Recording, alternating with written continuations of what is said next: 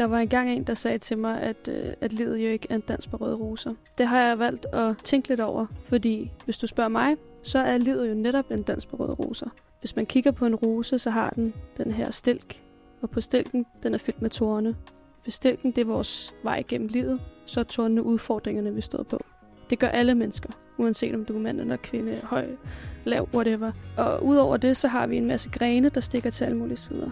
De her grene symboliserer for mig de veje, vi prøver at gå for at komme tilbage på stien igen. Og det har jeg jo også gjort med at tage nogle andre uddannelser og få et afslag og være folke, øh, folkeskolelærervikar. Men helt til sidst op på toppen. Når man altså har kæmpet sig igennem alle de her veje, der har vi de her kronblade, som er smukke og velduftende og bløde. Og det er jo lidt der, hvor jeg føler, jeg er ved at lande nu. Det er sådan kronen på det hele og målet.